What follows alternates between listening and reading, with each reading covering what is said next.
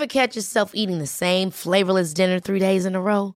Dreaming of something better? Well, HelloFresh is your guilt-free dream come true, baby. It's me, Gigi Palmer. Let's wake up those taste buds with hot, juicy pecan-crusted chicken or garlic butter shrimp scampi. Mm. Hello Fresh. Stop dreaming of all the delicious possibilities and dig in at HelloFresh.com. Let's get this dinner party started.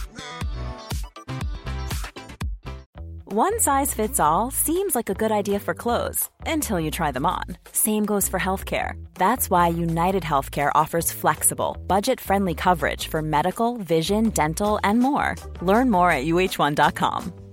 Hey, it's Danny Pellegrino from Everything Iconic. Ready to upgrade your style game without blowing your budget? Check out Quince. They've got all the good stuff shirts and polos, activewear, and fine leather goods, all at 50 to 80% less than other high end brands. And the best part? They're all about safe, ethical, and responsible manufacturing. Get that luxury vibe without the luxury price tag. Hit up quince.com slash upgrade for free shipping and 365 day returns on your next order. That's quince.com slash upgrade. AI och framtidens arbetsplats. Ja, några av er som lyssnar kanske tycker att allt snack om AI kan låta lite som ja, tekniskt mambo jumbo. Ja, nej men jag kan förstå det. Det är ett väldigt trendigt techuttryck och alla har inte satt sig in i hur det fungerar. Men vi stöter faktiskt på AI i vardagen, alla skulle jag vilja säga numera. Till exempel när du får förslag på nya tv-serier att titta på baserat på de du redan sett. Då är AI i farten. Ja, precis. Eller när du skriver i ett dokument och får förslag på avslutande ord i den mening när du påbörjat eller som en som jag fått höra eh, får hjälp med att skriva eh, annonser för, alltså för rekrytering som inte låter som att de är skrivna av en medelålders man till exempel. Ja, och när din karttjänst ger förslag på ändrad resrutt på grund av trafikstockning. Mm. AI står för artificiell intelligens och vad det handlar om är helt enkelt att datorer och system kan lära sig saker på egen hand, göra beräkningar, förutsägelser och se mönster. Och vad vi än tycker om det här så är AI på god väg in i vår arbetsvardag och på våra arbetsplatser. Och vi är förstås nyfikna på hur det påverkar oss på jobbet, idag och imorgon. Och därför har vi bjudit in AI-forskaren Sandra Bergman som är doktorand vid institutionen för informatik och media vid Uppsala universitet. Och idag ska du få höra vad hon har att säga om möjligheterna och riskerna med AI på jobbet.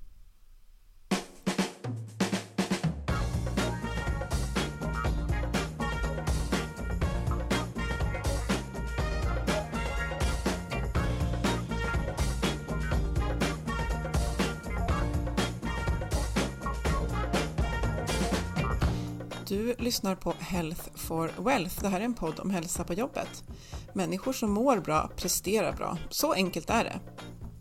Och det handlar väldigt ofta om bra samarbeten, om att få till dem. Att både ha en tydlig riktning och frihet att agera självständigt. Och förstås trygga ledare som har tid att leda.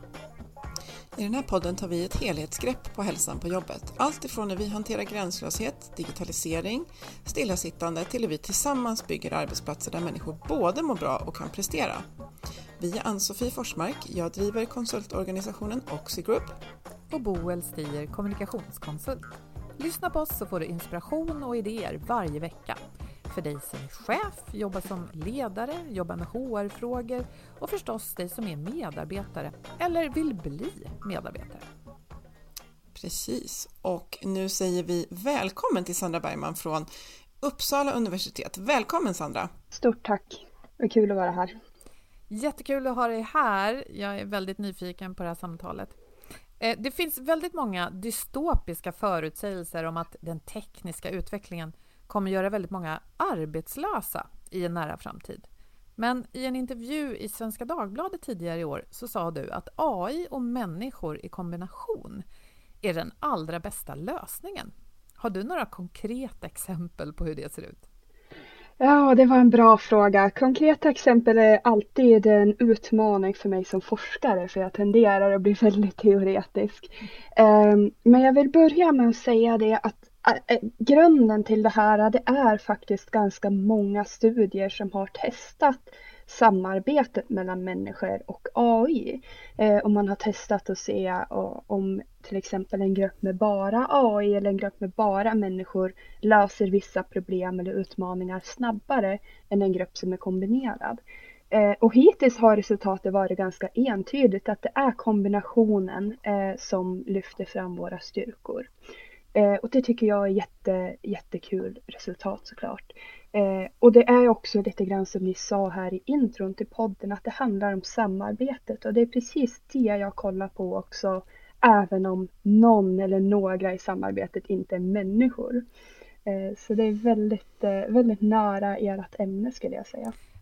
Men vad roligt och jag tänker att det kanske inte behöver vara så liksom high tech och långt framme för att det där exemplet när man får förslag på hur man avslutar en mening det skulle man kunna säga är ett samarbete mellan människan som skriver och AI som föreslår, eller? Ja men absolut, det är det verkligen. Eh, och även HR-exemplet som du använde Ann-Sofie, det är, eh, det är ett av mina favoritexempel för att det är där vi har kommit längst, eh, nämligen att de större företagen hanterar så många ansökningar nu. Eh, det kan i, i vissa fall handla om tusentals ansökningar. Eh, och då är det svårt för en HR-person att gå igenom alla dem. Eh, och där ser vi samarbetet för en AI kan sortera i parametrarna eh, och hjälpa till och plocka fram de kandidater som man tror passar bäst eh, för ett jobb. Men sedan måste människan ta vid. Eh, vi kan inte ha en AI i dagsläget åtminstone, kanske aldrig, som rekryterar eh, genom hela processen.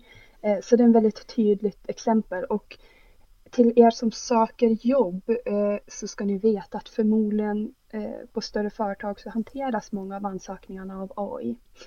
Eh, och då är det ju så att AI har sina begränsningar också såklart. Till exempel så handlar Eh, nuvarande AI väldigt mycket om NLP kallar man det, det är Natural Language Processing, alltså att den hanterar naturligt språk. Eh, att den kan förstå våra input eh, på det sätt som vi säger det. Istället för om ni tänker på tidigare datorprogram, då har ju vi fått anpassa oss till hur datorprogrammet vill ha kommandon. Och nu är tanken att det ska bli åt andra hållet, att de ska anpassa sig till våra sätt att tala. Eh, och därför är det väldigt viktigt att man tänker på ordval och sånt också i, i eh, sina ansökningar. Eh, för att en människa kan förstå en del nyanser eh, som en AI inte kan i dagsläget. Just det. Och eh, jag tänker att nu är vi på, på väg in på där, där vår podd håller sig och det är just arbetsplatsen. Mm. Eh, och som sagt, vi är lite nyfikna just på att, och nu sa du själv att med, med forskarhatten på, men jag tror att det faktiskt hjälper med den här frågan faktiskt, att, att, för du verkar ju verkligen ha koll på just hur man kan använda det på jobbet. Men hur ser det ut med användningen av AI idag? Eh, och vilka branscher skulle du säga är de som har vad ska man säga, hakat på eller faktiskt utvecklar och använder det här på ett eh, ja, nytänkande sätt? Eh, det där är en bra fråga därför att eh, Sverige ser lite annorlunda ut än, än det internationella sammanhanget. Eh, nämligen att i Sverige är det det offentliga som ligger först, eh, som har betydligt eh, mer implementerad AI eh, än andra länder. Eh, så vi ligger faktiskt, om man kollar på, på i hela världen så har eh, svenska myndigheter bland det högsta eh, antalet AI-fungerande eh, i hela världen faktiskt. Eh, och det är ju lite intressant eh, och de ligger faktiskt, eller vi eftersom jag jobbar för offentliga, eh, ligger faktiskt eh, i, i, långt i framkant jämfört med företag i Sverige. Det är ju jättespännande. Vad är det man gör? Eh, det, det som, som rent eh, det kallas är att man eh, förbättrar interna processer och det är ju väldigt ehm, abstrakt till vad det handlar om.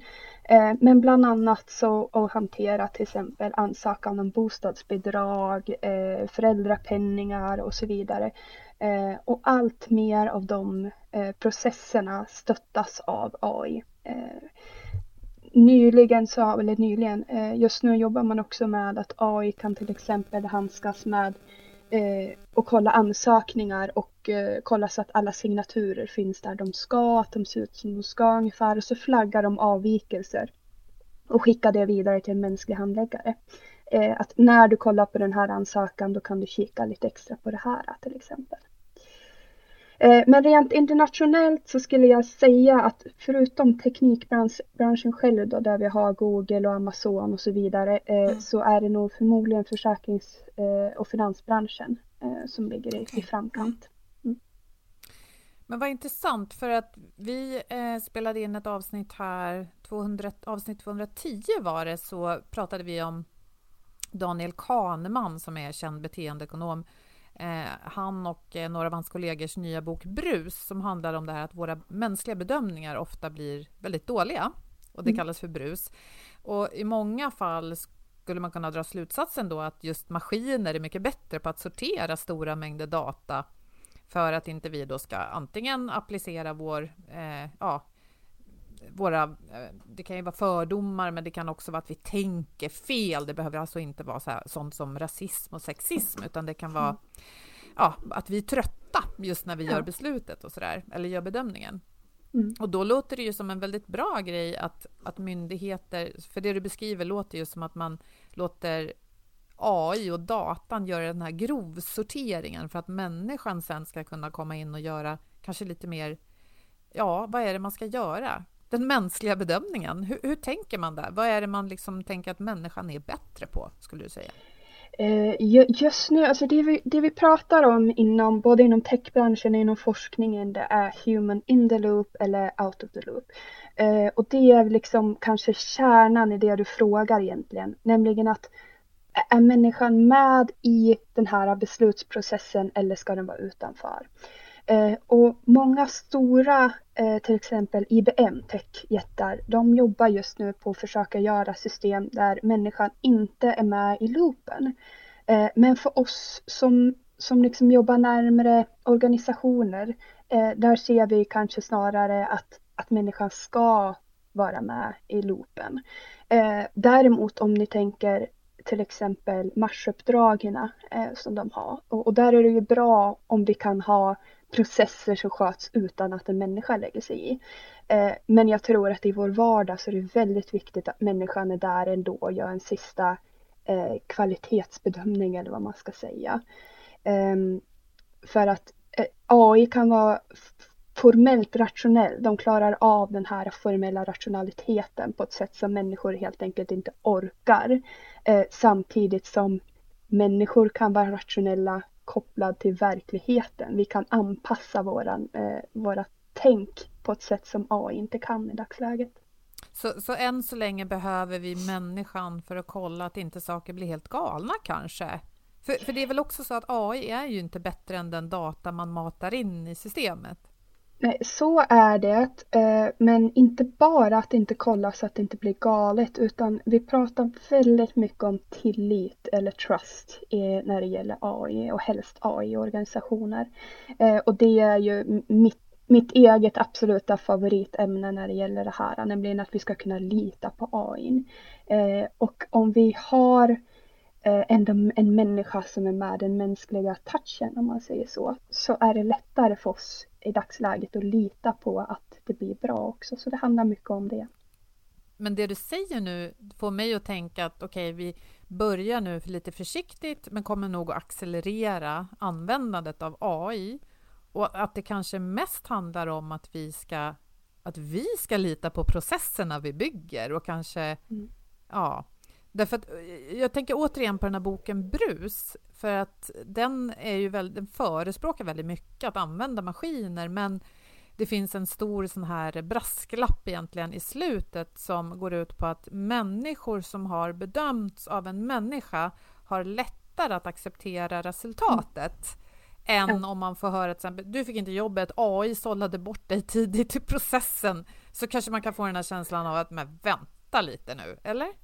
Ja, men det har ju också mycket att göra med att vi måste kunna förstå vad AI baserar besluten på. Vi kan inte säga att du har blivit eh, nekad bostadsbidrag för att AI sa det. Eh, och det, det, liksom, det fungerar helt enkelt inte utan vi måste förstå vad som ligger bakom.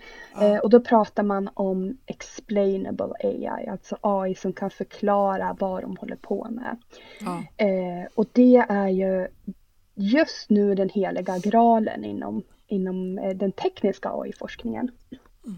Att man vill kunna få AI att lyckas motivera besluten. Eh, men ju mer komplicerad AI blir, ju fler variabler den bedömer, ju svårare har den att förklara för oss på ett sätt som vi förstår.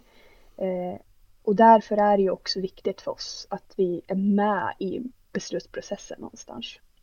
Jag, jag tänker som exempel där just, just rekrytering, där eh, jag hade äran att prata med en av våra tidigare poddgäster, Stefan Söderfjell, och jag hoppas att jag eh, kvotar honom rätt här nu, citerar honom, men han, han sa just att för en riktigt bra rekrytering så ska vi vi ska liksom lita på AI. Vi ska bygga AI mm. som blir så bra så att inte jag när jag är på dåligt humör en måndag sorterar bort Boel för att hon har fel färg på. Ja, men du vet, alltså nu, nu förenklar jag verkligen här, men mm. Eh, och rational, äh, raljerar. Men, men då tänker jag också så här, det, det bygger ju också att jag tänker om jag som, som sökande jag behöver ju känna tillit till, till den här AI-processen och, mm.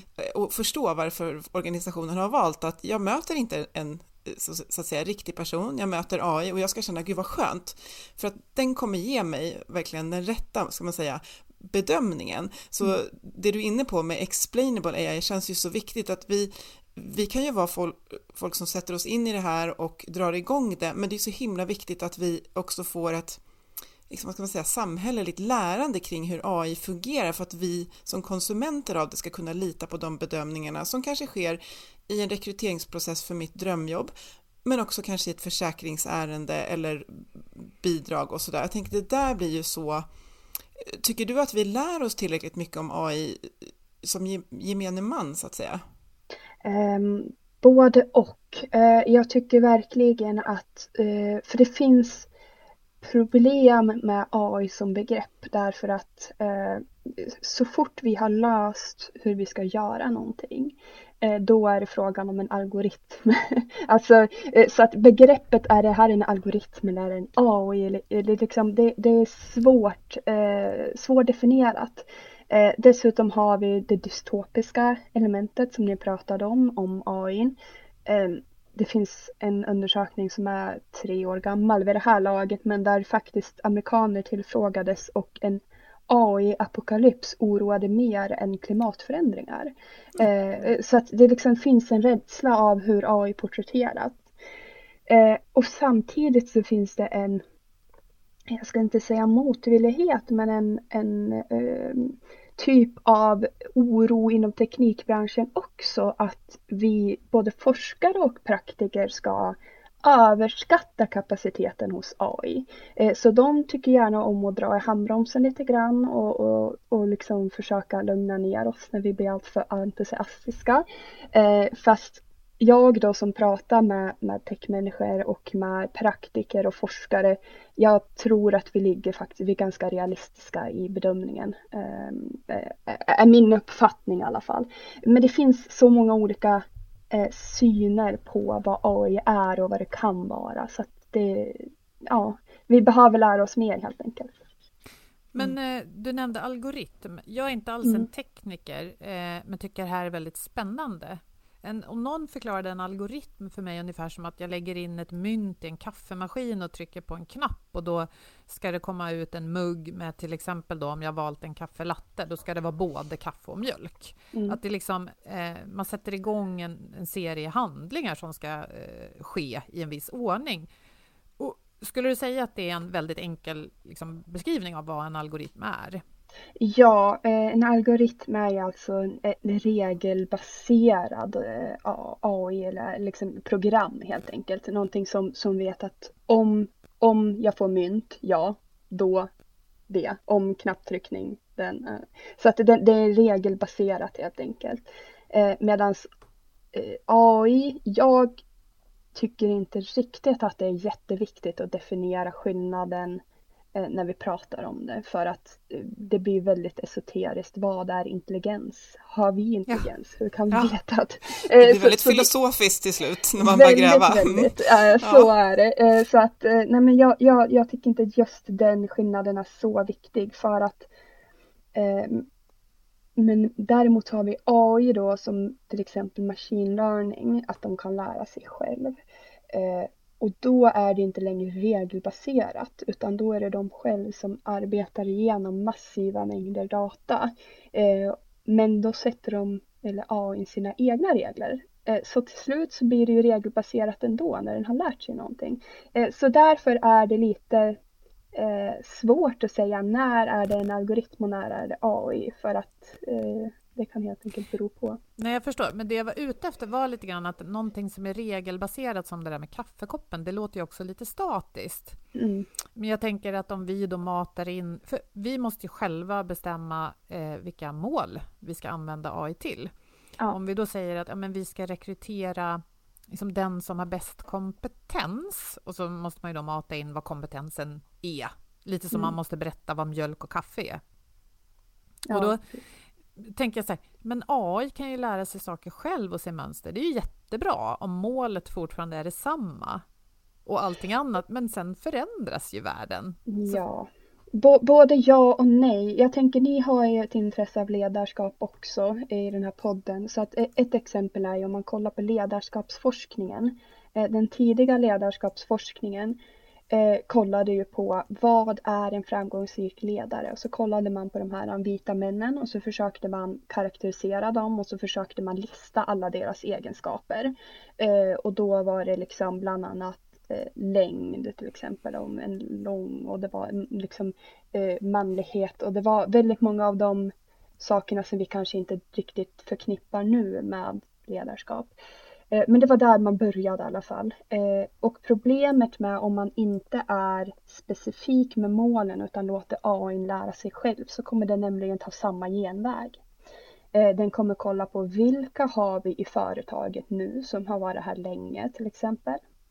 Vilka har vi här nu som har bra resultat? Och då kan det bli skeva rekryteringar för att vi kanske ska rekrytera en tionde chef men alla de tidigare nio är män. Eh, och om den här AI då säger att ja, men det här är en framgångsfaktor, då är det det jag ska leta efter. Eh, så det är väldigt, väldigt viktigt att vi inte släpper dem helt fri, utan vi måste vara tydliga med våra mål också. Vi kan alltså inte bara mata in historisk data och förvänta oss att vi får en AI som motverkar rasism och sexism och sådana saker. Nej, nej. Mm. Det, är, det är precis som att spela schack. Om du, om du, om du härmar den, den andras drag så kommer du hela tiden, tiden ligga ett steg efter. efter. Mm. Men eh, det som liksom börjar snurra i mitt huvud hela tiden, det är ju just det, det man ska, ja, skit in, skit ut. Nej, men eh, just det här att det vi, det vi matar in blir ju så himla avgörande. Att det, någonstans så är det ju, även om det är AI, så är det ju människor som har skapat AI mm. och det är vi som matar in och det måste vara så mycket, allt ifrån rekryteringsprocesser till eh, kriterier för folk som ska bli ledare till allt möjligt där vi, där vi ganska ofta måste revidera vad det är för, för liksom algoritm som ligger och, och säger om X så Y. Ser mm. du, eh, ja, det är ju jättesvårt för dig att svara liksom för, för alla, men vad ser du för goda processer kring att just titta på vad har vi matat in? Liksom så. Just det, exemplet här med ledare är ju väldigt eh, talande och konkret. Hur, hur, gör man det på ett bra sätt? Eh, jag skulle säga att det vi behöver göra är att diskutera det och det gör vi. Vi vet om den här risken att den finns. Eh, men samtidigt trots att vi vet att risken finns så åker vi dit på samma problem eh, om och om igen. Så det är någonting som vi hela tiden måste ha på agendan när vi, när vi pratar om AI. Eh, för att eh, ni har säkert hört talas om den här eh, Twitter-roboten som, som lanserades som blev rasistisk på 24 timmar, eh, blev mm. radikaliserad på 24 timmar. Inte hört men eh, Ja, men vi, vi, vi, har liksom nyare exempel också där det finns en helt, nästan helt nylanserad eh, Ask Delphi, ett AI som, som ska liksom ge råd kring etik.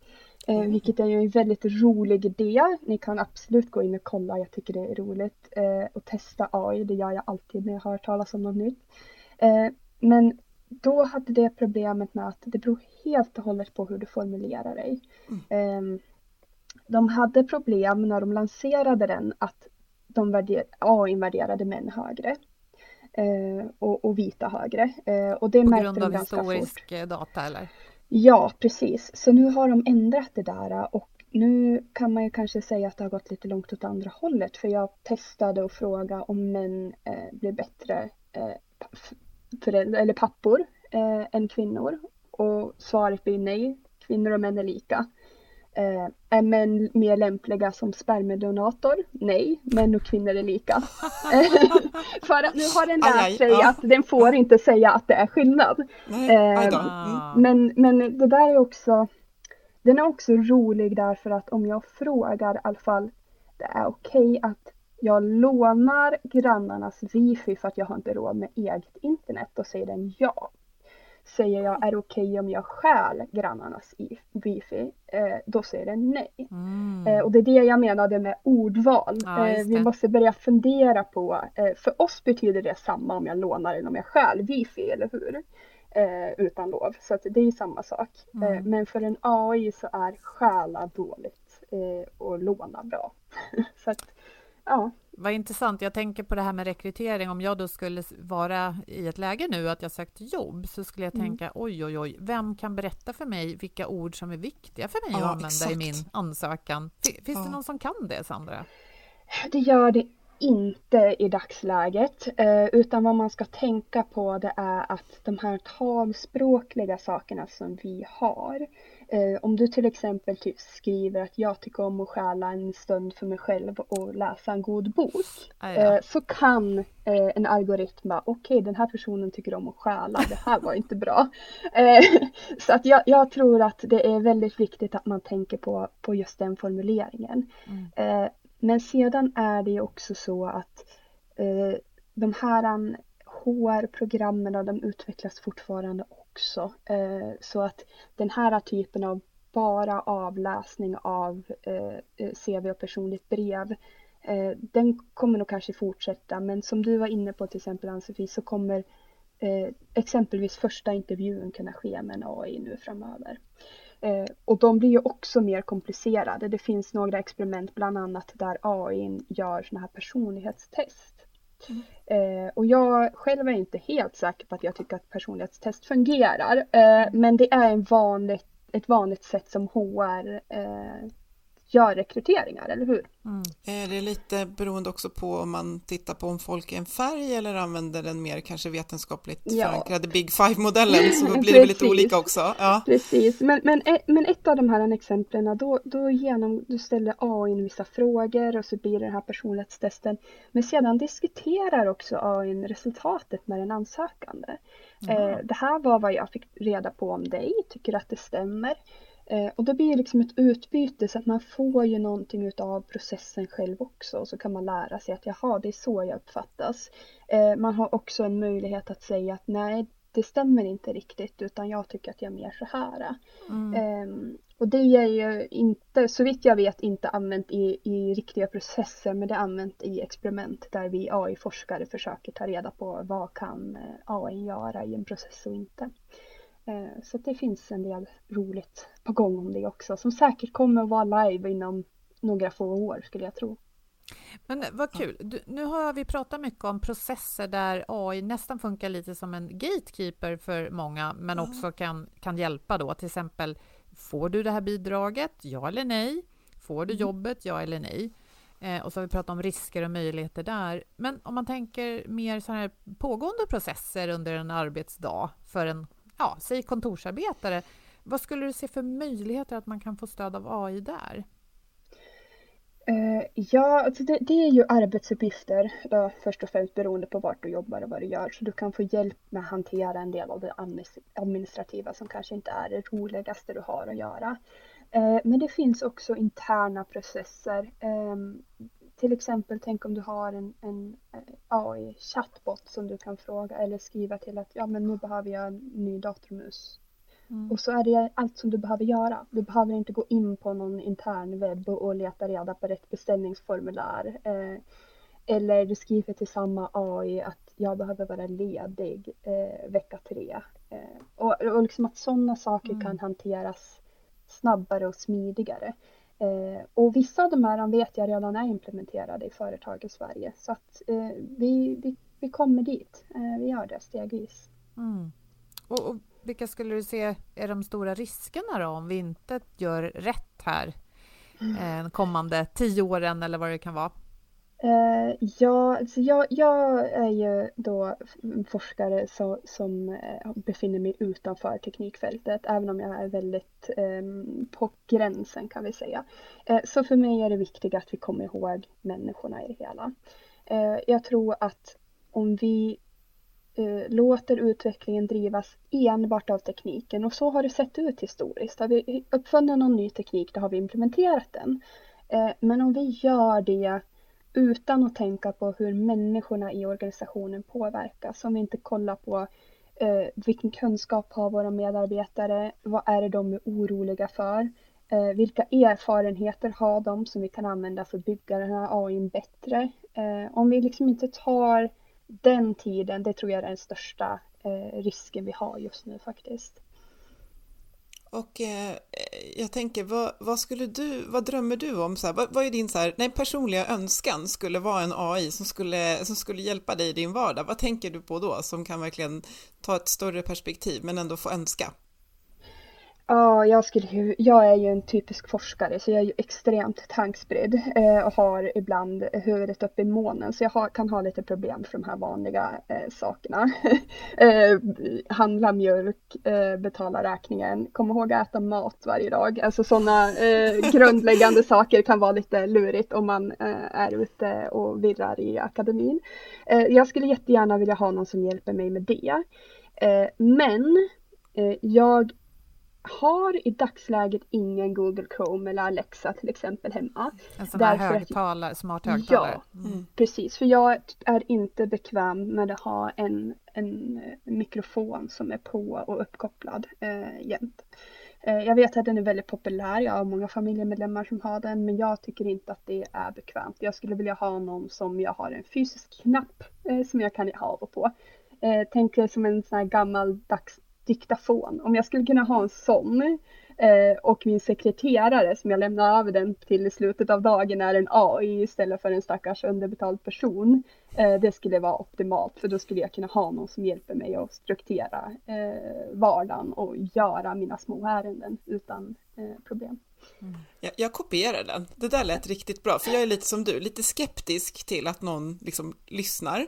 Eh, mm. Men just det där att det är så här, jag vill inte ha liksom någon person, men, men, men, jag vill liksom prata lite mer analogt, man ska säga, in i mm. någonting mm. och så lämna över till en AI som säger så här, du, om du vill få de här grejerna gjorda imorgon, då skulle det här vara en bra struktur för dig och jag kommer påminna dig klockan tio om att ja, göra det här ärendet eller äta frukost eller vad det kan vara. Ja, ja, men vore inte det Härligt. bra? Mm, det låter bra. Mm. Ja, men vad härligt. Det känns ju som att eh, AI är här, eh, antingen vi vill det eller inte. Och det var intressant att höra, som du sa Sandra, att många eh, myndigheter använder AI mm. redan. Mm. Eh, och jag tänker, du har jobbat mycket, som du sa, också med ledarskap och kommer lite från den bakgrunden, eller hur? Mm. Och om man då är ledare, hur, nu sa ju du en viktig sak man ska ta med sig, att använda de människor man har och, eh, och liksom deras kompetens. Men jag tänker om man inte kanske är så teknisk själv och eh, man är ledare och man vill köpa in någon typ av ja, system eller vad det nu kan vara. Vad, vad är bra att göra? Är det att ta en runda med medarbetare och fråga vilket stöd vill ni ha? Eller hur ska man tänka? Uh, ja, jag, jag vill ta två uh, svar på det. Nummer ett är att kan du inte systemet själv så är det väldigt svårt att göra ett inköp. Eh, så inventera i organisationen för det finns nästan säkert någon som även om arbetsuppgiften inte är det är teknikintresserad och kan det här. Så ta stödet och, och involvera människor. Men det gäller ju egentligen allt, inte bara AI såklart. Eh, och så sedan eh, den andra saken och det är någonting viktigt som vi inte riktigt har pratat än eh, om och det är kalibrerad tillit. För jag pratade om tillit eh, och kalibrerad tillit det handlar om att man har rätt nivå eh, av tillit. Alltså att man inte har övertilltro eh, på AI eller undertilltro. Eh, så om du inte litar på AI, eh, då kan det sluta med att du kanske inte följer rekommendationerna eller inte använder programmet och då går den oanvänd och då har vi investerat pengar och tid i någonting som inte används. Eh, men om du har en övertilltro så kan det leda till att de här felbesluten går ojusterade. Mm. Och det är ju extra viktigt då när det gäller chefer för att som vi vet så kan man som chef hitta någonting nytt, någonting bra, man kan bli entusiastisk, man kan köpa in det, man kan vara väldigt eh, engagerad. Eh, men om, om man inte förstår vad det är eh, programmet eller AI klarar av och inte klarar av så kan det handla om att man får en övertillit. Eh, och i så fall så kanske man inte heller är mottaglig för varningssignaler från medarbetarna om de börjar lyfta eh, funderingar för att du själv som ledare är så entusiastisk om det här grejen. Det här kommer bli så bra. Eh, och man måste ha rätt nivå, den kalibrerade tilliten. Eh, för då är man nog också förmodligen mottaglig för feedback från medarbetare som säger att eh, den här AI var inte så bra som vi hade trott. Mm. Vad kan vi göra för att förbättra den? Mm. Mm. Ja, det är verkligen, jag tänker det som skulle kunna få mig att, att verkligen känna tillit till något sånt här, det är att ha förståelse för att när när, eh, när reviderar vi alltså säga, inputen i det här och mm. veta att det finns en process för det, då kan man ju verkligen vad ska man säga, njuta av fördelarna som, som, det, som det bidrar till i olika processer. Men just att känna trygghet i att inte någon är bara eld och lågor och sådär, för det skulle kännas svårt att haka på en sån eh, som ja. process. Ja. Där har du också en, en sak som jag intresserar mig av lite grann eh, också i min egen forskning nämligen, för jag, jag forskar ju på vad händer om en, om en AI är medarbetare, alltså kollega till dig. Eh, och det, det, du sa, det är nämligen att de uppdateras ju, eller hur? Eh, så du har ju en, en kollega som kan ha en annan personlighet när du kommer in på måndag efter ett månadsskifte, eller hur? Om, om uppdateringen händer då. Eh, och det är ju också någonting, vad vad händer då? Kommer vi klara av att lita på en kollega som är eh, marginellt schizofren? Eh, helt enkelt. Eh, eller hur ska vi göra det på ett sätt så att, så att den kan lära sig? För den lär sig mycket snabbare än vad vi som är vuxmänniska gör.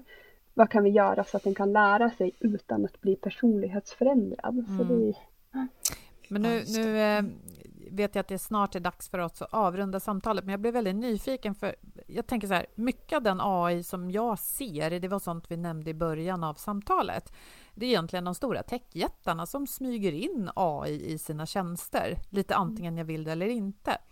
Men när du pratar om AI som en kollega, då är det ju inte Netflix eh, eh tips på nya liksom, filmer eller, eller sånt, utan Alltså, hur definierar man AI när det är en kollega?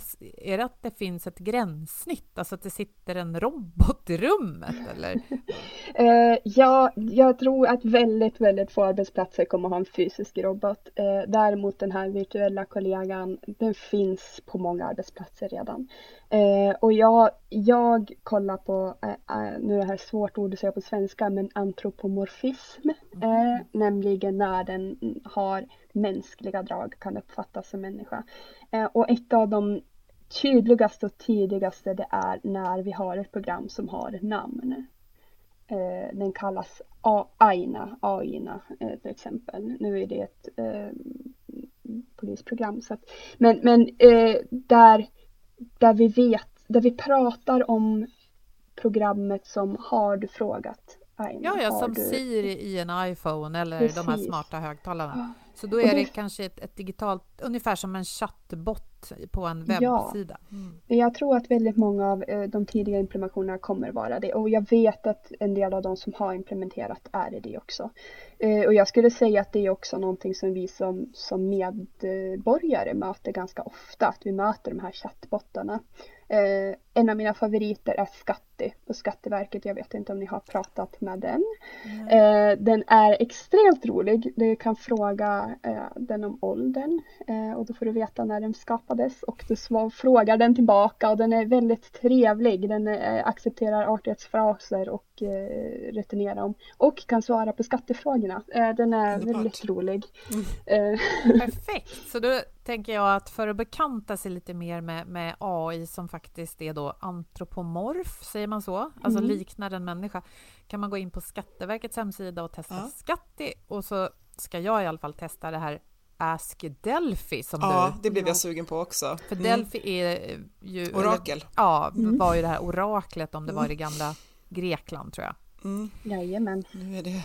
Ja, men vad spännande. Eh, jag eh, tycker att det ska bli väldigt kul att så länge man lever då få se hur den här utvecklingen eh, framskrider. Men det är ju så att det digitala det utvecklas parallellt med det fysiska och så kommer det bara fortsätta. Och en, en vacker dag så kanske vi står där och känner att det är liksom sammansmält på ett eller annat sätt. Mm. Det, det har jag, jag har svårt att eh, skapa en känsla för det, men som du säger Boel, jag ska också attackera det här med nyfikenhet. Kritisk och skeptisk nyfikenhet. Ja. Det är jättebra. Ja. Tusen tack Sandra, eh, jättetack för att du var med och eh, lyfte på lite lock kring de, det här spännande området som vi säkert kommer tillbaka till. Ja, tack så mycket. att Du fick vara med. Och tack! Vi har en samarbetspartner som alltid i motivation.se och eh, de har många artiklar om hur den tekniska utvecklingen påverkar ja, allt möjligt, men kanske framförallt hos dem ledarskap och arbetsliv. Och den här veckan har vi valt en text som handlar om att robotar skapar nya möjligheter, men också om att arbetslivet förändras och det ställer nya krav på oss. Och vi länkar till det från det här inlägget på vår hemsida. Ja, och med det tackar vi våra samarbetspartners då, motivation.se och Agda Media för den här produktionen. Följ oss gärna på LinkedIn och kommentera gärna och säg någonting så får vi säga hej. Och så hörs vi förstås om en vecka igen. Ha det så bra! Tack och hej!